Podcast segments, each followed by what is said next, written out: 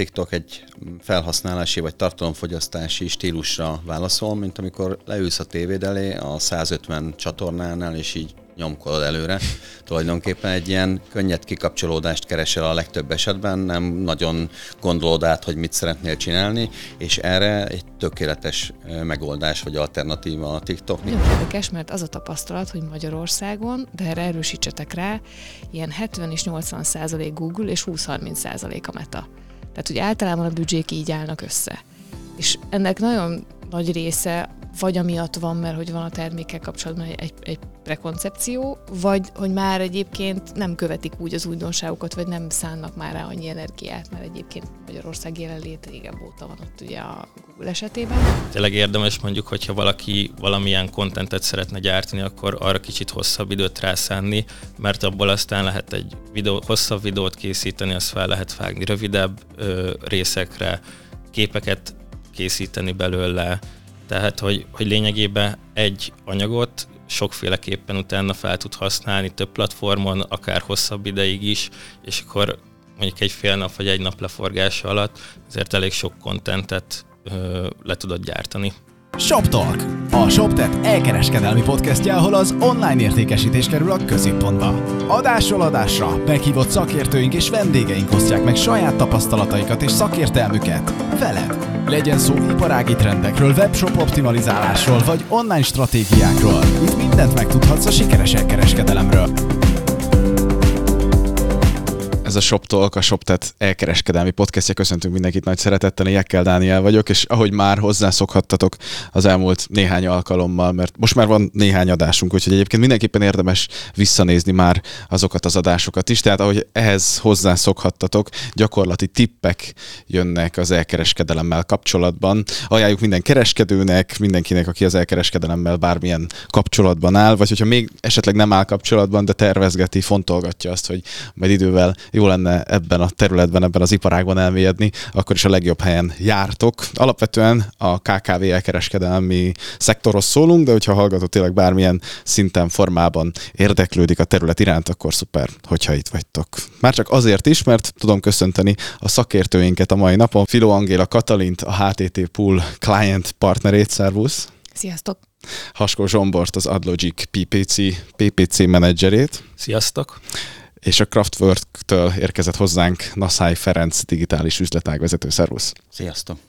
A mai adásban arra ö, teszünk kísérletet, vagy abba a fába vágjuk bele a fejszénket, hogy megnézzük, hogy 2023-ban milyen online marketing jelenléttel érdemes operálniuk az elkereskedelemben dolgozóknak. Ugye ez egy elég ilyen viharos kietlen, kicsit nem tudjuk, hogy milyen irányba megyünk időszak minden szempontból, és az elkereskedőknek talán most azért egy picit tényleg nehezebb dolgok van, amikor ki szeretnék azt találni, hogy hogy lehet optimálisan, hogy lehet költséghatékonyan, de mégis hatékonyan online jelenlétet, vagy online jelenlét stratégiát kialakítani. Szerintem kezdjük Angéla veled. Kérlek, hogy még mielőtt gyakorlati tippeket adnánk, egy picit mutasd be azt, hogy a HTT Pool pontosan mit is csinál, mivel foglalkoztok, hogy néz ki a csapat, és hogy te konkrétan mit csinálsz pontosan.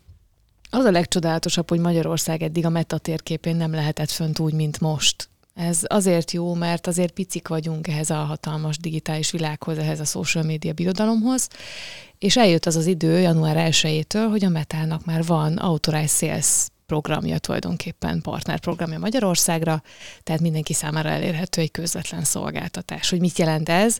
Sok elkereskedő megtapasztalja azt, amikor elkezd hirdetni a social media platformokon, hogy hirtelen kibannolják az oldalt, vagy akármilyen problémába ütközik, és nem kap kézzel fogható választ, csupán egy szabálykönyvet, vagy egy linket kap válaszként és ennek a megoldása tulajdonképpen a HTT Pool új üzleti modelljével, az együttműködés a Metával, hogy már van egy közvetlen partnerség, ami elérhető egyébként Magyarországon, tehát van egy közvetlen kapcsolattartónk. Ebben az esetben azt is jelentheti, hogy ha megvan a megfelelő út, és természetesen mindenkit szeretettel válunk az elker szektortól. Egyébként az összes branding szektoron át mindenkivel, ügynökségekkel is kapcsolatban vagyunk, és egy gyors együttműködési szerződés után rendelkezésre állunk a partnereknek. A másik ilyen kérdés, ami még probléma lehet az, e-commerce szektorban, hogy hát rengeteg újdonság jön folyamatosan, tehát azért ezt nyomon követni nagyon nehéz, és pont ezért jó, hogyha van egy ilyen üzleti partnerség, akkor itt van a HTT pool, és ezzel a fajta meta programmal, ami most így Magyarországon is elérhető, tulajdonképpen az újdonságok, a tudástranszfer, webináriumok, minden információ elérhető, tehát adott esetben akár lehet a saját fiókunkat is újra gondolni egy ilyen segítséggel. Ennek egyébként mi volt a, a kiváltó oka, vagy mi az, amivel, ami miatt, ahogy te fogalmaztál, Magyarország felkerült a meta térképére ilyen formán? Abba próbál Meta segíteni az üzleti partnereinek, hogy, hogy elérhetővé teszi azt a, azt a szolgáltatást, ami eddig csak távolról volt elérhető. Itt két megoldás létezik, vagy létrehoz egy saját irodát, vagy megbíz egy sales house ebben az esetben a HTT pult. Ez jelenleg 14 országban elérhető ez a szolgáltatás. Úgy, hogy már van egy ilyen tapasztalás, és egyébként már van is tudás a a, ezeken a piacokon. 14 ország együtt már fel tud kerülni a Meta térképére, tehát így tulajdonképpen ezzel az összefogással több országgal együtt rendelkezésére áll a magyar piacnak is ez a Meta szolgáltatás. Tehát akkor ez tulajdonképpen azon múlik, hogy már megéri a metának beruházni egy ilyen Én bízom benne, hogy erről van szó. Igen, arról nem is beszélve, hogy nagyon sok olyan meta termék van, amire esetleg nem is gondolunk még, vagy, vagy nem ismerjük. Gondoljunk arra akár, hogy van egy okos telefon, azt adjuk valakinek, először mondjuk csak a 15-20%-át tudja kihasználni, és hogy telik az idő, jön a tapasztalás, akkor mer egyre több funkciót használni, és ez minden más platform esetében, a kicsi e-commerce-től a nagyig így van, hogy ahogy elkezdi, a tapasztalás, a tanulás útján elkezdi felépíteni a fiókot, de nagyon sokszor jó, ha esetleg újra kezdi, újra gondolja, auditálja akár saját magát, mert sok olyan funkció, rejtett funkció van, vagy újdonság, amit esetleg enélkül nehezebben kezdene neki, vagy nehezebben próbál neki. Köszönöm szépen, Zsomborhoz fordulok, és uh, téged is megkérlek arra, hogy mesélj egy kicsit arról, hogy az AdLogic-nál milyen ügyfelekkel dolgoztok leginkább, uh, illetve hogy te mivel foglalkozol pontosan. Az AdLogic az egy szegedi online marketing ügynökség, amit röviden érdemes rólunk tudni, hogy az alapító tulajdonos az ügyfél oldalról érkezett, ezáltal ö, a partnerek fejével is tudunk gondolkozni, és próbálunk nem csak a PPC-re fókuszálni, hanem emellett olyan üzleti, stratégiai, vagy akár elkereskedelmi mm, javaslatokat, vagy, vagy segítséget nyújtani az ügyfeleinknek, amivel tovább tudnak növekedni, és és nem csak kimondottan a PPC-re fókuszálva ö, működünk. A fő területünk az az elkereskedelem, a portfóliónk legnagyobb részét webshopok alkotják, de mellett vannak más típusú cégek is, akikkel együtt dolgozunk, ilyen például a, a ShopTet is, akivel egy stratégiai partnerkapcsolatban állunk. A webshopok tekintetében is széles a kép, megtalálható nálunk olyan, akinek az éves forgalma 100 millió forint alatt van, de akár a milliárdos forgalmú webshopokkal is van tapasztalatunk. Én két és fél éve dolgozom a, a cégnél PPC menedzserként, tehát az ügyfelekkel állok kapcsolatban, és én kezelem a mm, PPC kampányaikat. Köszönjük szépen Nassai Ferenc, a harmadik szakértőnk a Kraftwerk-től. Téged is kérlek szépen egy picit mutasd be a, a szervezeteteket, illetve mondd el, hogy milyen ügyfelekkel foglalkoztak, és milyen területen jellemzően? Um, um, mi akkor uh, jövünk a képbe, amikor nem csak uh, performance szempontok jelennek meg. Mi egy klasszikus reklámügynökség vagyunk, aki a márkaépítési részt e, tudja hozzátenni, és stratégiában meg márkaépítésben e, mozgunk leginkább. Nagyon erős digitális fókusszal egyébként én vagyok az egyik tulajdonos, és én a, ezelőtt a cég előtt egyetlen dolgot csináltam, informatikus voltam, úgyhogy ez valamennyire meghatározza a cégnek a, az irányultságát is. Um, mindenféle területen tevékenykedünk, például ShopTet partnerek vagyunk mi is, um, és uh, egyébként, hogy ilyen érdekességet behozzak esetleg mondjuk a Pöttyös Túródinak a digitális reklámjait készítjük mi, vagy a Tócsói kupakok üzenetek mögött rejlő Magic fűződik a ügynökségnek a nevéhez egyébként. Az azt jelenti konkrétan, hogy ti írjátok ezeket az üzeneteket? Hát ugye a Top Joy mindig tudja a szlogen mögé, nem szeretnék teljes betekintést adni, de igen, a mi műhelyünkben kerül ennek a legnagyobb része előállítása, vagy sokszor a tinik is bevonásra kerülnek egyébként ebben. Nagyon sok ilyen olyan makró tényező van itt a környezetünkben, ami, ami kihívások elé állítja az elkereskedőket úgy alapvetően, de egy picit ezektől el ö, tekintve ti hogy látjátok, hogy mondjuk a, akár, a, akár a, Meta, akár a Google hirdetés, vagy akár egyáltalán az online hirdetéseknek a szabályozásában, elérésében, a közelmúltban lezajlott változások közül szerintetek melyek azok, amik leginkább kihívások elé állítják a, a, az elkereskedőket, vagy egyáltalán a hirdetőket? Szerintem kezdjük itt Meta oldalról leginkább. Nagyon fontos kiemelni azt a kérdést, hogy tulajdonképpen ez az ASP program, amit említettem, ez azt jelenti, hogy egy jelenlét Magyarországon, de nem ügynökség vagyunk. Tehát mi a platformot képviseljük, az olyan, mintha mi lennénk a meta. Tehát nem kezelünk kampányokat, nem készítünk kreatívot, csupán tanácsadás a funkciónk. Amit ebben a helyzetben fogunk tudni a piacon csinálni, hogy, hogy az a, azt a tudatosságot, azt, azt a gazdaságos gondolkodásmódot, azokat az újdonságokat kezdjük el a piac számára ismerté tenni, amire esetleg eddig nem volt fókusz. Mi történik ilyenkor? Mondjuk van egy Advantage Plus termék, ami mondjuk megérkezik, és most már tapasztalatok is vannak róla. Az e-commerce-nek kifejezetten érdekes lesz, webináriumokat kezdünk el szervezni, és pontosan ennek okán fontos, hogy, hogy tudják a piac szereplői. Tehát ilyenkor van az, amikor történik egy visszaesés, hogy mindenki megijed. Mit csináljunk, és akkor elkezdenek kapkodni, és ez a legrosszabb, amit lehet tenni. Akár a digitális költésekről van szó, akkor el kell kezdeni teljesen optimalizálni, vagy akár elkezdeni több szenáriót elkészíteni. Ez ugyan többletmunkát jelent, de sokkal felkészültebbé teszi a piac szereplőit. Tehát mi van akkor, ha csak ekkora büdzsé áll rendelkezésemre, ahhoz milyen bevételt tudok tenni, és ahhoz hogyan tud hozzájárulni egy digitális platform és ezek az újdonságok egyébként meg for free, tehát ez mindenki számára elérhető.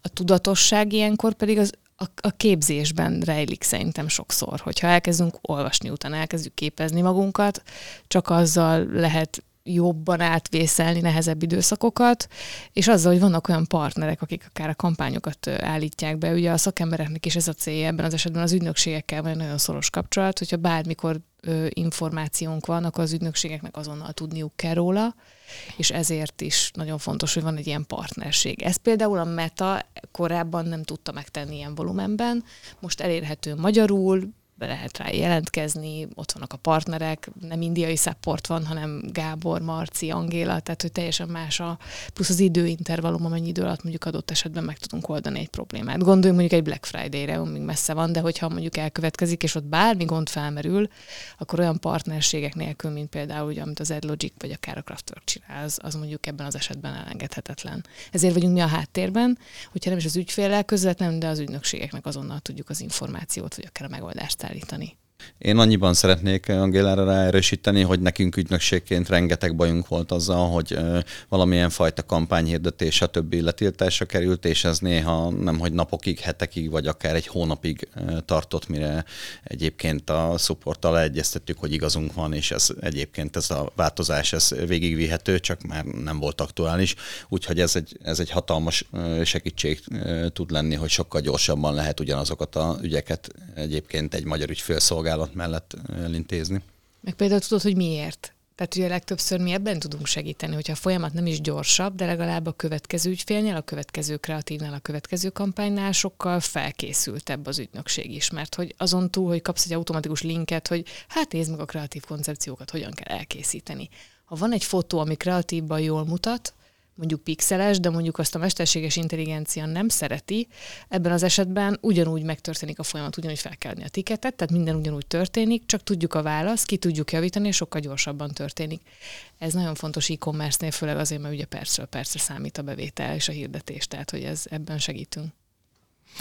Ehhez én is csatlakoznék, mert a Google Ads mellett Facebook kampányokkal is foglalkozunk, és ott is futtatunk performance alapú hirdetéseket, és mi is ugyanezt tapasztaltuk, hogy, hogy előtt, amikor mondjuk volt egy letiltás, akár kampány szinten, akár fiók szinten, akkor azért nagyon el tudott húzódni, tehát nem feltétlenül csak több hétig, hanem akár hónapokig is, is állt a, a fiók, és mi is elkezdtünk már együtt dolgozni a HTT pullal, bizonyos fiókokkal. Én csak pozitívat tudok mondani, tehát, hogy sokkal gyorsabban kapunk segítséget, maga a segítségnek a minősége is sokkal jobb, mint a, a Facebooknak a, a supportja, úgyhogy úgy gondolom, hogy ez egy, ez egy pozitív változás volt. Ez olyan, mint egy biztosítás, hogyha ezt nézzük. Tehát ez, ez nagyon érdekes, hogy alapvetően felújítod a házadat, de minden új mi történhet. És akkor utána be, beüt a baj, akkor utána majd kapkodhatunk, hogy jó, akkor ezt hogy fogja a biztosító, vagy mikor kötöttem a szerződést, vagy ugyane, ugyanezt történik. Alapvetően ez a szolgáltatás ingyenes. Tehát ebben ez a, ez a nagy trúváj, hogy hogy úgy ingyenes a szolgáltatás, mert a felelősséget vállal azért, hogy ezeket a piacokat elkezdje tulajdonképpen edukálni, és foglalkozzon azzal, hogy mindenki úgy kezeli a funkciókat és a fiókokat, és akkor ez a szerződés, ez bármikor lehetséges, tehát ezt hétfőn is megköthetjük mindenféle indok, ok, büdzsé függetlenül, és elkezdünk együtt dolgozni. És ha történik egy ilyen, ugye ezért volt jó az ügynökségeknek azonnal csatlakozni ez a programhoz, mert rajtuk keresztül 30-50-100 partnereket tudunk kiszolgálni így ezzel a tudásbázissal. Tehát tulajdonképpen mindenkinek hasznos, kis és középvállalatoktól, nagyvállalatokon át mindenki számára elérhető, és mivel ingyenes, azért szerintem érdemes minél hamarabb pont azért, ha majd valami történik, jön a Black Friday meg a karácsony, tehát ott azért, ott azért biztos, hogy lesz dolgunk. Mindenképpen mondjuk el akkor, hogy hol lehet csatlakozni, vagy hogy, hogy ennek milyen módja, hogyha esetleg ez nem lenne, nem lenne egyértelmű valakinek. A metakukac http.hu e-mail címen bárki számára elérhető. Szuper. Zsombor, picit most a Google hirdetések rejtelmeibe ö, menjünk bele először is. Tisztázzuk azt, hogy milyen hirdetési formák léteznek a Google rendszerében, és hogy ezek közül a KKV kereskedőknek szerinted mik azok, amelyeket mindenképpen érdemes, vagy adott esetben muszáj használnia? Alapvetően nyolcféle kampánytípusból lehet választani az Ads felületén. Itt az, hogy melyiket választjuk, függ attól, hogy hol szeretnénk megjelenni, mit szeretnénk hirdetni, egyáltalán mi a cél, vagy a, a funnelben például hol, hol helyezkedik el az adott ö, hirdetés.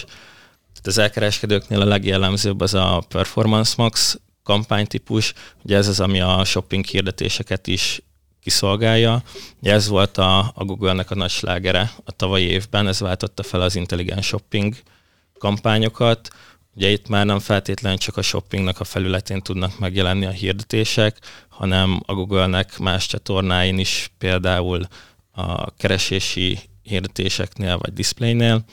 Tapasztalatunk alapján az látszódik, hogy az elkereskedők leginkább a Google-ben vagy a Google-re fordítják a marketing költségüknek a legnagyobb részét, és azon belül is nyilván olyan hirdetéseket szeretnének futtatni, amik a, a bevételt hozzák az eredményt, és náluk kevésbé gyakori, vagy nem annyira szeretik ezt a brand jellegű, meg awareness típusú hirdetéseket, így leginkább náluk tényleg ez a performance max az, ami a, a bevételüknek a legnagyobb részét is generálja, de mellett, amik meg szoktak jelenni, az a keresési kampány, display, discovery, videós hirdetés a, a YouTube-on, úgyhogy ezeket mondanám. Ezeket, hogyha ha, nem tudom összehasonlítani, vagy az alapján nézzük meg, hogy mennyi, mekkora budget van egy, egy vállalkozás kezében, akkor mennyire lehet szerinted mondjuk optimalizál, vagy a, a, az alapján sorrendet állítani, hogy melyikkel, vagy milyen vállalkozás melyikkel tud a, a legnagyobb hatékonyságot elérni? A, a költségkeret az egyértelműen meghatározza azt, hogy milyen kampányokat, illetve mennyit tudnak ö, futtatni. Hogyha kicsi a, a keret, akkor mindenképp a, a Performance Max vagy a shoppingnak a, a futtatás érdemes, mert tényleg az az, ami a, a bevételnek a legnagyobb részét tudja generálni, illetve hogyha van rá lehetőség, akkor ezt meg lehet támogatni keresési, illetve display kampányjal is.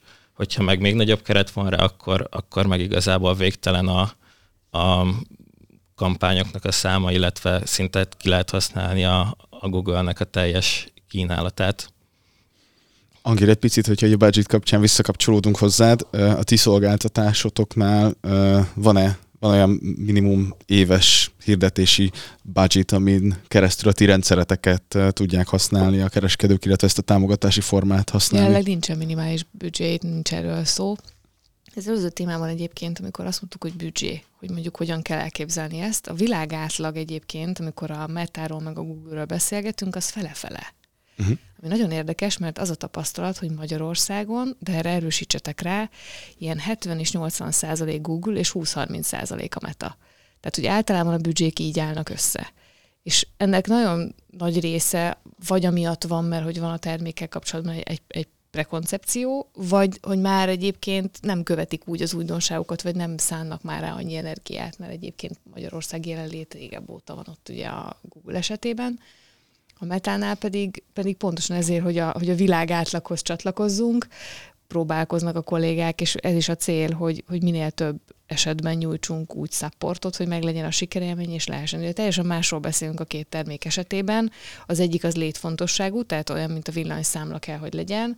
A másik az pedig ilyen koncepció és kreatív függő adott esetben, hogy kinek mennyi van még rá, amit mondjuk az organikuson felül mondjuk tud esetleg áldozni a meta esetében, a shoplet ügyfelekről is beszélek elsősorban.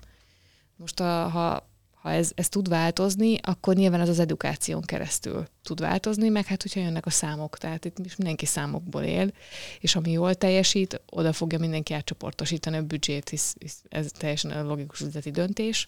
Hosszú távon érdemes egyébként azzal foglalkozni, hogy ez minél közelebb legyen ez az arány. Mégiscsak közösségekről beszélünk. Az egyik egy kereső, a másik egy közösség, az ott, az ott épített lehetőségek, csoportok, kreatívok, elérést sokkal személyesebb és pontosan ezért érdemes egyébként ezt is így elültetni, hogy minél hamarabb elkezdeni, és, és konzekvensen olyan tartalmakat gyártani, ami egyébként kihozza a platformról a maximumot. Te ezt hogy látod, hogy a, a magyar uh, hirdetőknél ez, ez, ez a két a platformnak a funkcionális különváltsága, az mennyire egyértelmű náluk? Tehát, hogy tudják azt, hogy mondjuk mikor érdemes a metán hirdetni, és mikor érdemes akár Google hirdetéseket uh, Hát ha engem kérdezel, akkor a metán érdemes hirdetni. De hogy ez mondjuk így a, a magyar, a, a magyar fejekben ez mennyire tiszta? Én szívesen szerintem Inkább. meg tudom is egy picit uh-huh. színezni a képet, hogy egyrészt én azt gondolom, hogy e kereskedelemben Google hirdetések nélkül nem lehet létezni, ez, ez az alap, ez, ez teljesen tiszta. Itt azért eléggé megváltozott a világ olyan szempontból a Covid alatt, hogy egy csomó akár pár száz forintos terméknél is az ember elkezdte vizsgálgatni, hogy ez tényleg kellene neki, vagy ezen tud spórolni.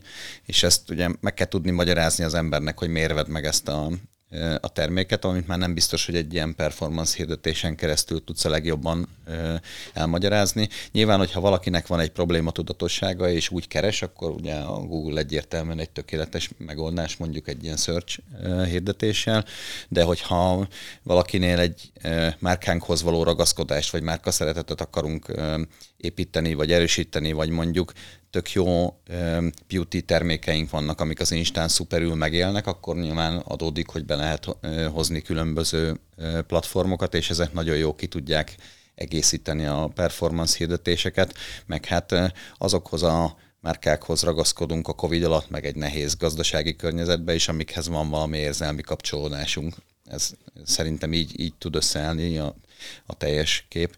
És még a büdzsére visszatérve egyébként, és a, megint a Angéla szélszesét alakítva egy kicsit a szerepem szempontjából, hogyha valaki szeretne költséget megtakarítani, hogy a gyakorlati tippekről beszéljünk, akkor nyilván megpróbálja saját maga üzemeltetni a Facebook oldalát, és azok a nehézségek, amikről az előbb beszéltünk, akkor azonnal bekopogtatnak az ajtón, és ebben az esetben, ha van egy ilyen partnerségük, akkor lehet, hogy ez egy működő dolog tud lenni, és ezzel lejjebb tudják szorítani a büdzsét, amivel el tudjuk érni, hogy jusson performance hirdetése is, meg némi márkaépítése is pénz.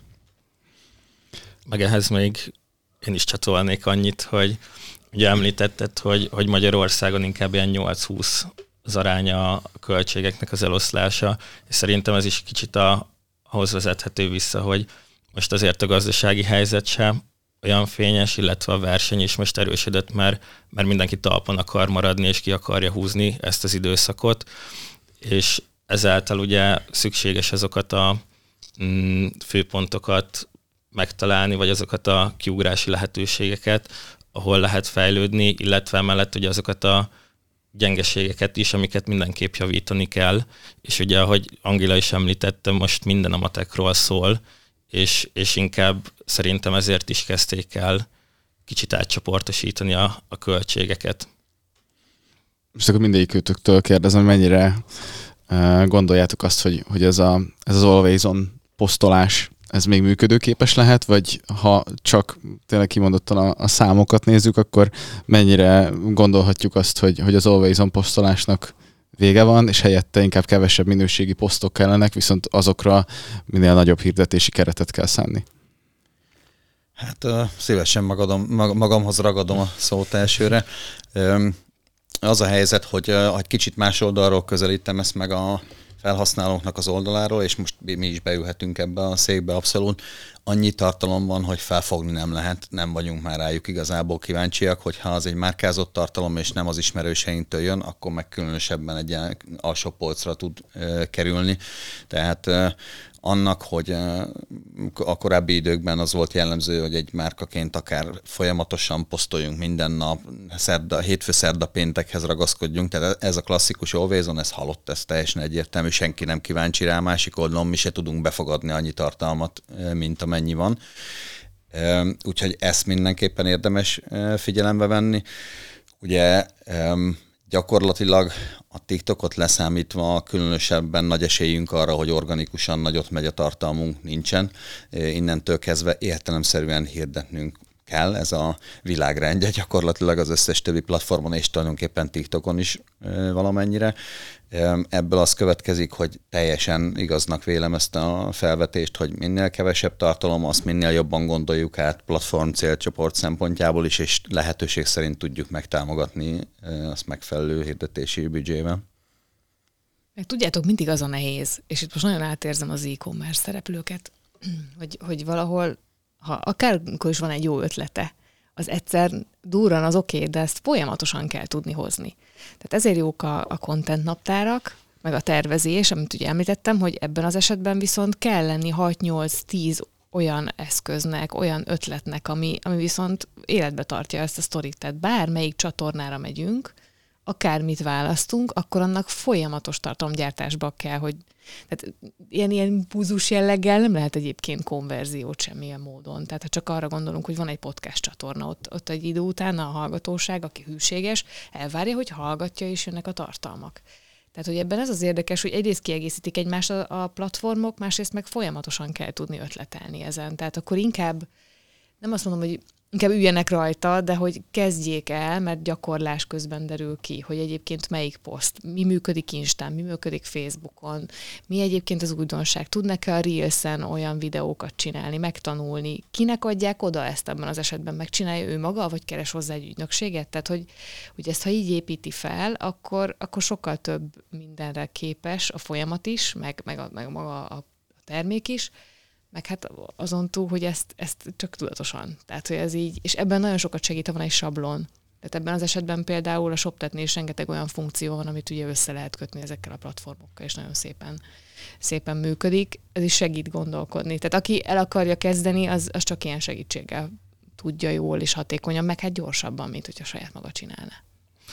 Hát meg, hogyha megnézitek, most már a Facebookon, az Instán vagy a TikTokon is igazából fél másodperc alatt arrébb tudod görgetni az adott kontentet, vagy az adott hirdetést, hogyha nem tetszik, tehát ezért is fontos az, hogy minden platformnál megtalálni, hogy, hogy mi az, ami jól működik, platform specifikusan, célcsoport specifikusan, akár hogy, hogy milyen jellegű képek, milyen szövegek azok, amik jól működnek, mert, mert így tud sikeres lenni akár a, a performance, vagy a nem performance hirdetés is.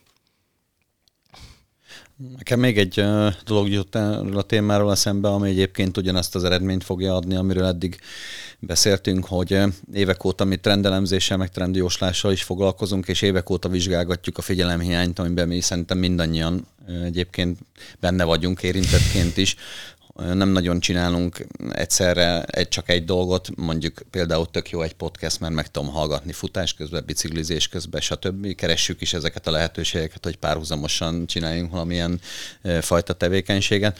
Ebből az következik, hogy egyébként egy tartalomra se nagyon fókuszálunk, és nagyon kevés, nagyon-nagyon pici az időrés, amivel meg tudjuk győzni a felhasználót, hogy ő azt szeresse. Tehát abba az irányba menni, hogy ezt növeljük egyre a rázudított tartalmat, annak semmi értelme egyének szintjén sem, meg összesennyében sem.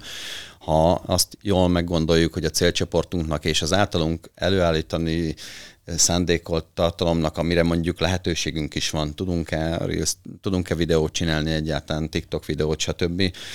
Ezt mindezt átgondolva kevés tartalmat csinálunk, jó helyre tesszük ki, lehetőleg meg is támogatjuk, valószínűleg ez a helyes magatartás egyébként, amit így általában mindenkinek, minden elkereskedőnek is lehet javasolni. Hogy látjátok a TikTok szerepét ebben a, az egész tortában, mert azt láttuk, hogy néhány évvel ezelőtt megérkezett, nagyon óriási nagy sikernek, meg népszerűségnek örvendett leginkább a fiatalabb generációk számára, de mintha már ez az ilyen felhasználói kor fa egyre inkább menne fejebb, és mintha már egyre tudatosabban, vagy hát nem, nem egyre tudatosabban, hanem tudatosan használják már az elkereskedők is. Az, a TikToknak a helyét ti hol látjátok ebben a, ebben a tortában?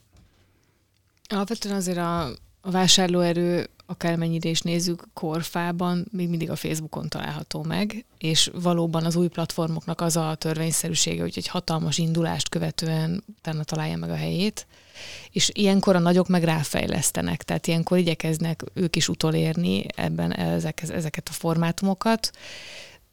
Mindegyik platformnak én sok sikert kívánok, de alapvetően minden esetben, ha számokról beszélünk, akkor mindig ott kell lenni, ahol egyébként a legkönnyebb konverziókat kapjuk. Ebben az esetben vagy a keresőben indul el valaki, vagy a közösségben keres véleményt, meg, meg ott keres kreatívot, hozzászólást. Tehát én, én így látom, hogy ez minden alkalommal van egy nagy boom, el kell indulni, ott kell lenni, és utána meglátjuk, hogy melyik, melyik kreatív hogyan konvertál később. Hát TikTokról elég sokat tudok beszélni, mi még musicaliként elkezdtük figyelni ezt a e, csatornát, és az a eh, helyzet, hogy eh, most azt eh, mondjuk minden ügyfelünknek, hogy érdemes platformixben gondolkozni, és abból nehéz kihagyni a TikTokot 2023-ban. Ugye a Facebook egy és megkerülhetetlen, a legszélesebb célcsoportot ott éred el Magyarországon, a legszofisztikáltabb a hirdetési lehetőségeknek a tárháza. TikTok korán sem annyira tini, egyébként ezt látjuk a különböző felmérésekből, amik mutatják a magyar demográfiát is, és igazából ami fontos, hogy ez szerintem a TikTok egy felhasználási vagy tartalomfogyasztási stílusra válaszol, mint amikor leülsz a tévéd elé a 150 csatornánál, és így nyomkodod előre. Tulajdonképpen egy ilyen könnyed kikapcsolódást keresel a legtöbb esetben, nem nagyon gondolod át, hogy mit szeretnél csinálni, és erre egy tökéletes megoldás vagy alternatíva a TikTok, nincs egymásra rakva, nem tudom, blik és akármilyen újságok, hanem nyomkodod, és jól érzed magadat közben, és ez ugye egy nagyon, nagyon immerzív dolog is viszi tovább egyik tartalma a másikat a felhasználó szempontjából, Ugye nyilván ez egy nagyon szexi és trendi csatorna, amiről mindenki beszél. Továbbá, hogyha a szakmai részét nézzük, ugye itt még bekerülhet a forjóba tartalmad, és akkor az akár százezres eléréseket is tud hozni. Tehát ha teheted, és képes vagy egyébként ilyen videókat magad vagy segítséggel elő, előállítani, akkor abszolút érdemes ebben is gondolkozni. Nyilván célcsoportfüggő, termékfüggő, de ahogy Angéla is mondta, ugye ezek a platformok aztán lemásolják egymást is, így az értékesítési pontok megjelentek abszolút a TikTokban is. Tehát a, végül is az összesített válaszom egészre az mindig, hogy ez célcsoporttól is, terméktől is függ, de én nagyon látom a helyét a TikToknak. Szerintem is a TikTok az, az most már megkerülhetetlen, de fontos megtalálni a helyét, hogy, hogy hol mhm. helyezkedik el, akár a, a fanelben, vagy hogy, hogy milyen kontentet érdemes rá gyártani, mert ahogy ö, előbb is elhangzott, inkább egy olyan tartalomfogyasztási platform, ahol tényleg mondjuk munka után a nap végén leül valaki, és akkor fél óra vagy egy óráig, vagy ki tudja meddig, csak nézi a videókat, és ott már nem biztos, hogy olyan reklámokat vagy hirdetéseket akar látni, ahol a, az arcába tolják azt, hogy te vedd meg ezt a terméket, meg hogy ez ilyen jó, olyan jó, hanem látszódik, hogy azok a videók tudnak nagyot menni, amik kicsit ilyen bújtatott szélszesek, tehát nem az, a, nem az a lényege, hogy itt eladja neked a terméket, hanem mm, van egy jó húk, megragadja a figyelmedet, végignézed, és utána vagy a videó végén van egy ajánlat, vagy csak átvezet mondjuk az oldalra, és akkor utána már te bekerülsz abba a folyamatba, hogy, hogy a Facebookon, a Google-ön kapod a, a további hirdetéseket, és lehet, hogy a végén eljutsz oda, hogy te vásároltál, és a TikTok volt mondjuk az első vagy a második lépés, de nem feltétlen mondjuk abból fognak jönni a, a vásárlások. Hol látjátok ebben az egész rendszerben a, a podcastek, a hosszabb YouTube videók helyét, illetve mondjuk valaki 2023-ban szeretné a saját online marketing stratégiáját kialakítani, akkor mennyire érdemes a podcastek, illetve a hosszabb YouTube videókra koncentrálnia? Én a podcastnél nem látom a konverziót, ezt csak márkaépítésre tartom alkalmasnak. Ez az én személyes és szakmai véleményem. Egyébként erre már van, aki konferenciát is szervezett, és egyébként ez kell, hogy a marketing mix része legyen, mert nincs máshol lehetőséget hosszan beszélni a felhasználókkal, mert senkit nem érdekel 3-5 másodpercnél tovább, hogyha valamit el akarnak neki adni. De egyébként mindig egy ilyen másodtevékenység a podcast, mindig valamit csinálunk mellett a kutyasétáltatástól a mosogatásig, vagy az autószerelés, automosás, akármi mellett.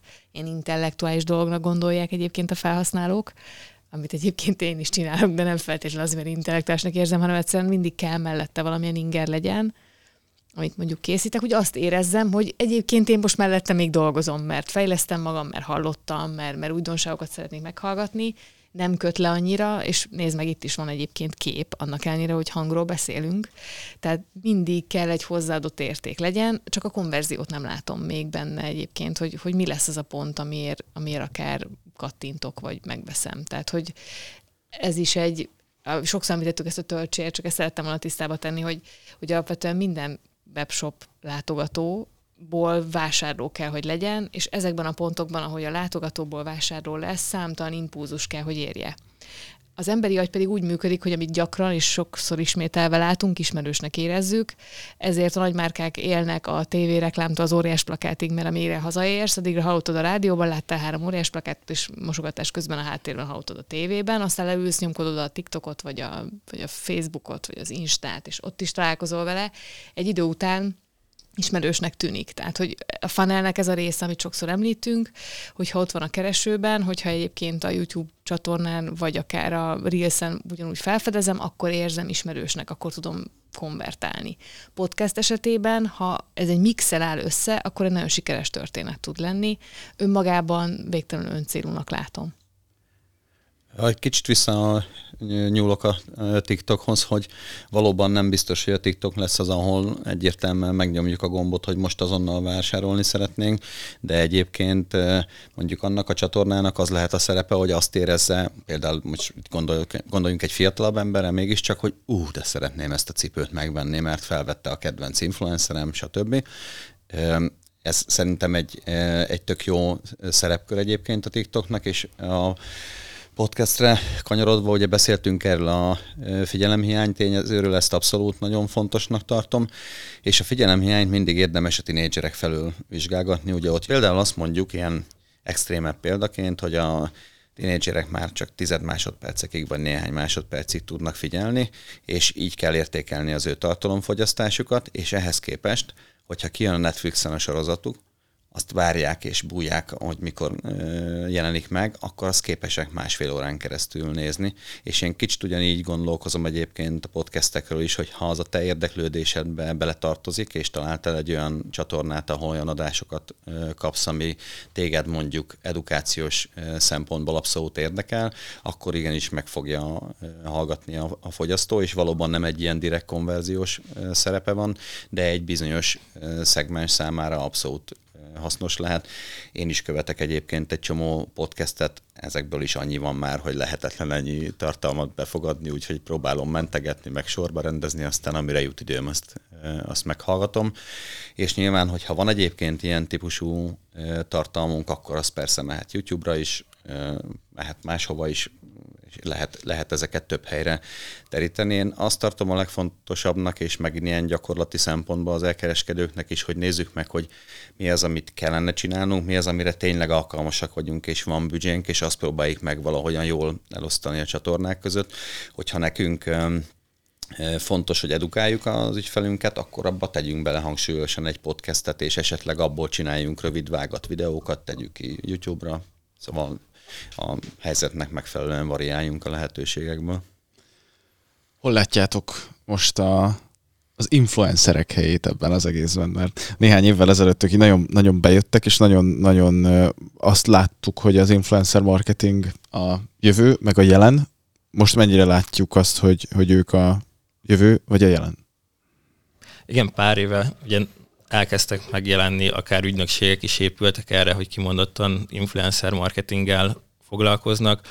Mm, mi is dolgozunk együtt olyan webshopokkal, akik mondjuk influencer kampányokat is mm, készítettek időszakosan, vagy akár hosszabb időre is.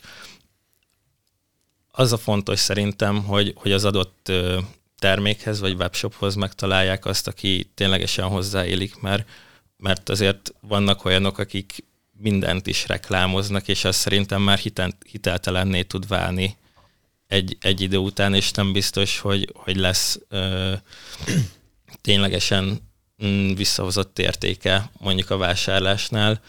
Ugye ezeket bizonyos módon lehet mérni, de, de sokkal nehezebb mondjuk egy influencer marketingnek a hatását mérni, mint mondjuk egy, mint mondjuk egy keresési vagy egy, egy PMAX kampánynak.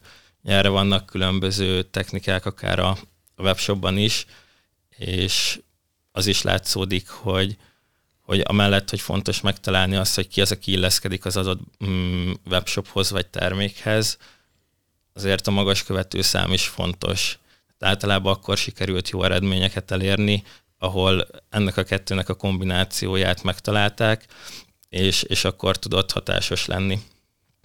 Én azt gondolom erről az influencer kérdésről, hogy a TikTok behozott ebbe megint egy ilyen új hullámot gyakorlatilag, és amit korábban említettem, hogy most nagyon sok terméknél meg kell magyarázni azt, hogy ezt vegye meg valaki, ebbe szerintem van az élő szereplőnek abszolút jelentősége, plusz visszatérek a figyelemhiányhoz. Mi egy jó válasz erre, hogy nem figyelünk különösebben oda egy tartalomra, próbáljunk meg valami olyan tartalmat előállítani, ami bevonó, és esetleg rövidebb, például rövid videókat. Ugye megint csak TikTok abszolút, de egyébként most már minden platform ebbe az irányba indult el és megy, hogy csak vertikális tartalmakat fogyasztunk, minél rövidebb videóban magyarázzuk el, amit át szeretnénk adni üzenetet, és ez itt már tényleg van Reels, Shorts, tehát ez nem, nem csak egy TikTok történet, és ezekben a videóban kellenek élő szereplők, nem jó csak animációkat mm, csinálni ezekbe a tartalmakba, úgyhogy én azt gondolom, hogy ezt újra kell egy kicsit gondolni, és azzal teljesen egyetértve, amit a e, Zsombi mondott, hogy ha tehetjük, akkor válasszunk valamilyen márkához illő e, szemét, és próbáljunk meg egy ilyen márka nagykövetszerű együttműködést létrehozni vele, amiben elkerülhetjük azt, hogy mindenféle más márkáknak dolgozzon, de egyébként az influencer ügynökségekre visszatérve, ha mondjuk mi elkereskedők vagyunk, és tegyük fel ékszereket, valami design ékszereket forgalmazunk, akkor egy ilyen influencer ügynökség tud abban segíteni nekünk, hogy mi megmondjuk, hogy kb. hány éves és hány éves közötti emberekhez szeretnénk szólni, és olyan kis mikroinfluencer kampányt állítanak nekünk össze, amiben olyan szereplők mutatják meg a saját követőiknek egyébként ezeket a ékszereket, amik számunkra abszolút relevánsak lesznek. Ezt például egy tök jó megoldásnak tartom. Azért az influencerek drágák. Tehát azért azt lássuk be, hogy, hogy ezt, ezt így össze tudom foglalni. Nagyon ügyes piaci stratégia sok ügynökség összefogásával egyszerűen felverték az árakat. Tehát, hogyha arra gondolunk, hogy valaki szeretne egy webshopot és egy ilyen keretrendszerbe együtt dolgozik, és akár egy kicsi ügynökséggel együtt elindul, én nem az influencerekkel kezdeném, az már egy bizonyos érettségi szakasz, amikor azt meg tudja fizetni. Viszont van néhány olyan tipp, ami az ilyen típusú tartalmaknál akár ő is lehet a saját influencere, persze csak óvatosan. Mi az, ami mindenkit érdekel? Hogyan készült? Tehát ezt megmutatni, ha van szerencséje, nagyon hasznos. Felhasználási területek, amire nem is gondoltál. Tehát, hogy azok a, azok a lépések, hogyan bontod ki ezek az unboxingos videók, hogyan használod föl, hogy vagdosod szét, hogy kóstolod meg, mivel kevered össze, miből készült, ez, ez mindig sikeres. Ha van egy jó minőségű eszközparkunk, minimális befektetésre ezt el lehet kezdeni. Ez nem az influencer marketingről beszélek, csak a tartalomgyártásról. És ha ebben már valaki maga biztos, akkor tud utána építkezni, és elkezdi figyelni a piacot, elkezd követni olyanokat, aki az ő termékével, célcsoportjával jó eléréseket tud hozni, és utána influencer keresésbe kezdhet. Tehát, hogy azért ez, ez erős. Más a preferencia, amikor én személy szerint égetem az agyamat, és nézem az influencereket. Ez mondjuk olyan 6 és 9 perc között vagyok képes egyébként, biztos a figyelem hiány miatt van egyébként, de, de ez nagyon nehéz. De, de egyébként ez egy nagyon szép iparág, nagyon jól működik, csak kicsiben kezdeni szerintem érdemes össze ezt kitanulni, és akkor utána adni. Ami még fontos a videós tartalmak, az azon, hogy vertikálisan fogyasztjuk, hogy mindig hang nélkül is működjön, mindig feliratozni is kell akármikor azért figyelem hiány, azért egy meeting közben, vagy azért ha valamit csinálunk, azért ott az kínos, amikor hangosan elkezd ordítani a videó, vagy vinnyog benne a macska, tehát hogy ebben az esetben mindig, ha feliratos, akkor az hasznos. És mindig az első három másodpercben derüljön ki, miről van szó. Ismerős az a kreatív, amikor egy mezőn egyébként sétál egy pár, fut egy kutya, és nem tudjuk, hogy biztosító lesz, bank lesz, vagy mi lesz a vége. Az elején nagyon röviden, és azonnal az arcába tolni a felhasználónak, hogy miről van szó. Nincs időnk rá, mert utána már lapoz tovább. De ezeket az apróságokat, hogyha valaki elkezdi csinálni, készíteni, és már magabiztos benne, meg már tud annyi bevételt generálni, hogy akkor influencer mellett dönt, ha már nagyobbról van szó, akkor pedig nagyon óvatosan hiszen ők azért tudnak hitelesek lenni, mert nem befolyásolhatóak a megrendelő által. És akkor kezd izzadságszagú lenni a történet, amikor, amikor a fűnyírótól, a samponon át egyébként a, a flextől, a traktorig mindent, és ez sem oké. Okay. Úgyhogy ezt, ezt nehéz ebbe, de nyilván itt is van segítség a piacon. Lehetséges akkor az, hogy a, azoknak az influencereknek a kora, akik influencerségből élnek, és nem azért, mert mondjuk nem tudom, vízilabdások, és egy vízilabdát hitelesen be tudnak mutatni, nekik így akkor egy picit úgy, úgy, úgy lejáróban van? Hát ugye itt az a különbség, hogy content creator oldalról jönnek, mondjuk egy vízilabdást én ilyennek tekintek, vagy a celeb irányból jönnek, akik csak az ismertségükre alapozzák ezt az influencerkedést. Er, erre az irányvonalra szívesebben mondom azt, hogy jól meg kell gondolni, hogy ez még érdemese, de egyébként, hogy most a közelmúltban mondjak egy példát, nem tudom, hogy ti gyors éttermeztek-e, ugye volt egy Walmart burger, én úgy tudom a gyerekeimtől, hogy azt most mindenki elment és megkóstolta, sokan egyébként influencerekkel közösen terméket vagy termékcsaládot fejlesztenek egyébként ki, ami egy tök jó megoldásnak tűnik a mostani világba. Egy picit erről el ágazzak. Ugye nekünk is szerintem többünknek, meg főleg a fiataloknak több ezer ismerőse van. Az egyébként egy mikroinfluencer. Angélára akarok rákapcsolódni, amit az előbb mondott, hogy régen azt mondtuk, hogy ú, tud segíteni a kis bizniszemben a fiam, mert leprogramozza a weboldalt, és akkor az nem kerül pénzbe. Lehet, hogy most egyébként a lányomból vagy magamból lehet influencert csinálni, mert egyébként én ügyesen rögtönzök egy zenés videóra, és akkor azt meg tudjuk csinálni TikTokon. Szóval egy kicsit ilyen szempontból azt is érdemes megvizsgálni, hogy nem tudunk-e mi lenni a saját magunk influencerei. Ez is egy tök jó megoldás lehet adott helyzetben. Kicsit ehhez vissza kanyarodva, hogyha valaki mondjuk nem nincs ezen a szakaszban még, ahol meg tud fizetni egy influencer, de viszont szeretne ilyen jellegű tartalmakat készíteni, akkor szerintem neki a, tök, a TikTok például tök hasznos tud lenni, mert ott meg tudja nézni azt, hogy, hogy milyen videók tudnak jól menni, mik azok, amiket inkább elkerül, el kell, hogy kerüljön, mert nem annyira nézik meg, kicsi a, kicsi a, a reakciószám rajta, és ezekből tud inspirálódni, hogy akár ő is otthon készítsen ilyen videókat. Hát az egy e-commerce-nak nagyon nehéz ö, helyzetben van ebben az esetben, mindent is ő csinál. Tehát azon túl, hogy van egy raktárkészlet, van egy jó ötlet, utána ő könyvelő lesz, ő pénzügyes lesz, ő marketinges lesz, sőt, még gyártson tartalmat is, nem? Tehát, hogy azért lássuk be, hogy mindent is elvárunk. Ne féljünk segítséget kérni, mert az idő a legkisebb egyébként, az idő a legkevesebb, ami rendelkezésünkre áll, tehát az ügynökségeknek igenis van létjogosultságuk ebben az esetben, nem kell tudni mindenhez érteni. Például, ha van egy kertünk, egy bizonyos méret fölött már érdemes kertészt hívni, mi is elkészíthetnénk, de hát ugye ez több hétvégébe kerülne, fizikai munkáról nem is beszélve. Bízzuk olyanokra, akik egyébként benne vannak, értenek hozzá, meg tudjuk mi is tanulni velük együtt, és akkor sokkal gyorsabban és sokkal több eredményt tudunk akár melyik platformon elérni, legyen szó az a Reelsről, vagy, vagy, vagy akár az Instáról, vagy, vagy mondjuk a Facebookról, de ha mondjuk a ügyfélszolgálatra gondolok, akkor ott is érdemes integrálni adott esetben egy messengert, amit mondjuk sokkal közel, könnyebben tudunk kezelni. Tehát, hogy ezeket mindig mérlegelni kell, hogy mik azok a platformok, mik azok a, mik az, az ügynökség, mondjuk segítséget ad. A kevés tartalom kapcsán egészíteném még ezt ki esetleg annyival, hogy akár ügynökséggel, akár nem ügynökséggel állítjuk elő ezeket a tartalmakat, esetleg azt érdemes megfontolni, hogy mondjuk egyszer csináljunk egy mondjuk produkciós napot, ahol egyébként csinálunk valami videós anyagot, amit különböző vágatokba ki tudunk tenni TikTokra, YouTube-ra, Instagramra, Storyba. Ugyanezen a napon tudunk fotózni is, ez most gyakorlati tipként mondom bármely elkereskedő számára, hogy lehet, hogy egyszer egyébként érdemes erre költeni, és miután senki nem fog emlékezni rá, hogy fél éve, egy éve ezt a tartalmat egyébként már látta, ezeket újra lehet eringelni gyakorlatilag, hogy a tévés kifejezéssel jöjjek, és, és akkor egy gazdaságos működést tud eredményezni egy, egy ilyen, és igen, valószínűleg ezekbe érdemes egy ügynökséget bevonni.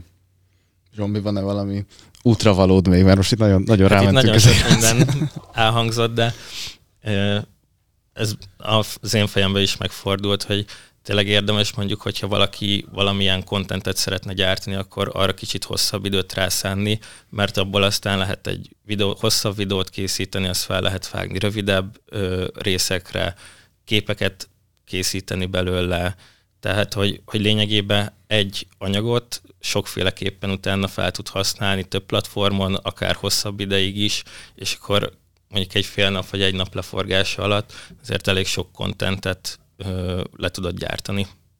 Hogyha egy picit az induló elkereskedőkre, vagy elkereskedelmi vállalkozásokra nézünk rá, akkor szerintetek melyik stratégia lehet a nyerő? Abban az esetben, hogyha az online marketingről beszélünk, akkor az, minden webshopnak villanyszámla, hogy kölcsön erre. Tehát ez nem is kérdés. Kell, hogy legyen. A kérdés, hogy milyen mértékben és mennyit.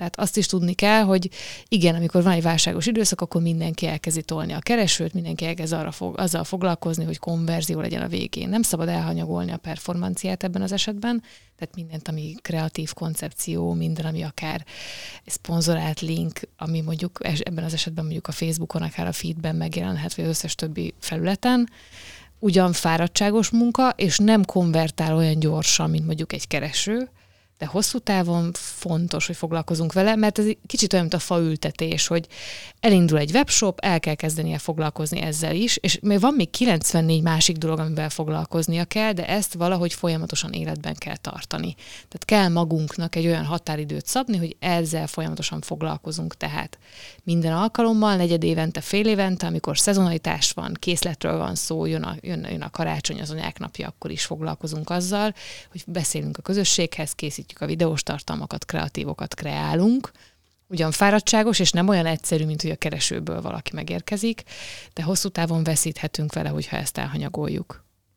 Mi vizsgáltuk egyébként a mostani válság kapcsán, hogy hogyan viselkedtek a márkák meg a felhasználók az előző válságok idején, mert hát nem ez az első a világtörténelemben, és alapvetően azt eh, láttuk nagyobb márkákat vizsgálva, hogy akik eh, teljesen a marketing kommunikációkat kikapcsolták ebben a, az időszakban, azok veszítettek a piacon pozíciót vagy, vagy üzletet hosszú távon, úgyhogy mi nem javasoljuk, hogy ez ebben kapkodjon valaki, lehetőleg próbálja meg az addigi stratégiáját követni, és márkát is építeni ebben, a, ebben az időszakban is, mert ez fontos lesz számára hosszú távon. Ez nem a barátság, meg az emberi kapcsolatok, nem? Tehát azt is ápolni kell. Nyilván nem akarunk minden hétvégén szűnapi zsúrokba járni a gyerekkel, de ott kell lenni, foglalkozni kell vele. Tehát, hogy a közösséget, a kapcsolatainkat ápolni kell a vásárlókkal, a felhasználókkal. Ez nem lehet csak bizniszre szűkíteni. Hát még egy nagyon fontos dolog, bocsombi, hogy a szabadba vágtam, hogy Ugye még nem beszéltünk a vásárlói körforgásról, nyilván a performance megoldásokkal azokat a fogyasztókat tudjuk vásárlásra bírni, akik ebben a vásárlói körforgásban azon a szinten vannak.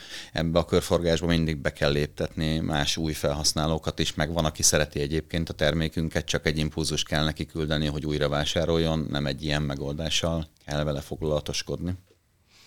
Meg főleg egy induló webshopnál, vagy egy ö, még, még az életciklus elején járó webshopnál azért is fontos, hogy kölcsön az online marketingre, mert még nem ismertet, hogy, hogy más csatornán nagyon nehezen fogják megtalálni, és úgy na- nagyon nehezen is tud majd kilépni ebből a, a kezdeti szakaszból, és nagyon nehezen fog tudni átmenni már egy, egy olyan növekedésbe, ahol, ahol profitot is tud termelni, vagy ahol megéri sokkal jobban vagy több időt belerakni a, tulajdonosnak, és nem az lesz a vége, hogy, hogy pár hónap után vagy egy év után azt mondja, hogy, hogy nekem ez nem érte meg, akkor, akkor ráhagyom, és, és még a kampányokat, vagy azt, hogy milyen felületen, hogy hirdetünk, mélyebben is meg kell vizsgálni, mert lehet, hogy az látszódik, hogy mondjuk a, a Facebook nem úgy teljesít, de például volt a, az egyik ügyfelünknél egy ilyen kutatás, ahol megkérdezte az új vevőket, illetve a, a már meglévő vevőit, és kiderült az, hogy, hogy nála például a Facebook a legelső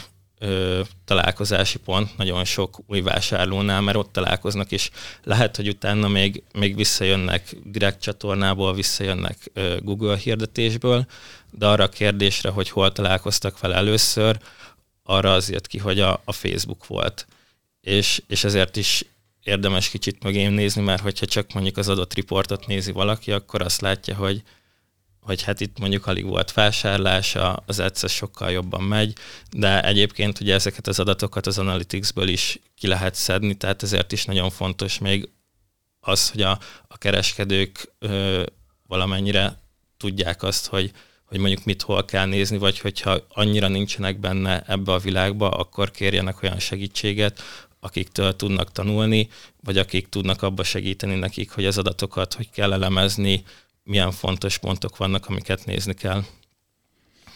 Hát szeretném megköszönni mind a hármatoknak, hogy, hogy itt voltatok, és adtatok hasznos gyakorlati online marketing tippeket. Nagyon sokat lehetne még nyilván erről a témáról beszélni, meg nagyon kis részét érintettük csak, de azt gondolom, hogy, hogy tényleg hasznos volt ez a beszélgetés, úgyhogy köszönöm szépen mind a hármatoknak, és köszönjük szépen a nézőknek, hallgatóknak, hogy itt voltak velünk. Ez volt a Shop Talk, a ShopTet elkereskedelmi podcastje. Két hét múlva fogunk találkozni újra, akkor is hasznos és hasznosítható témát fogunk hozni. Addig is a magas konverzió legyen mindenkivel. Sziasztok!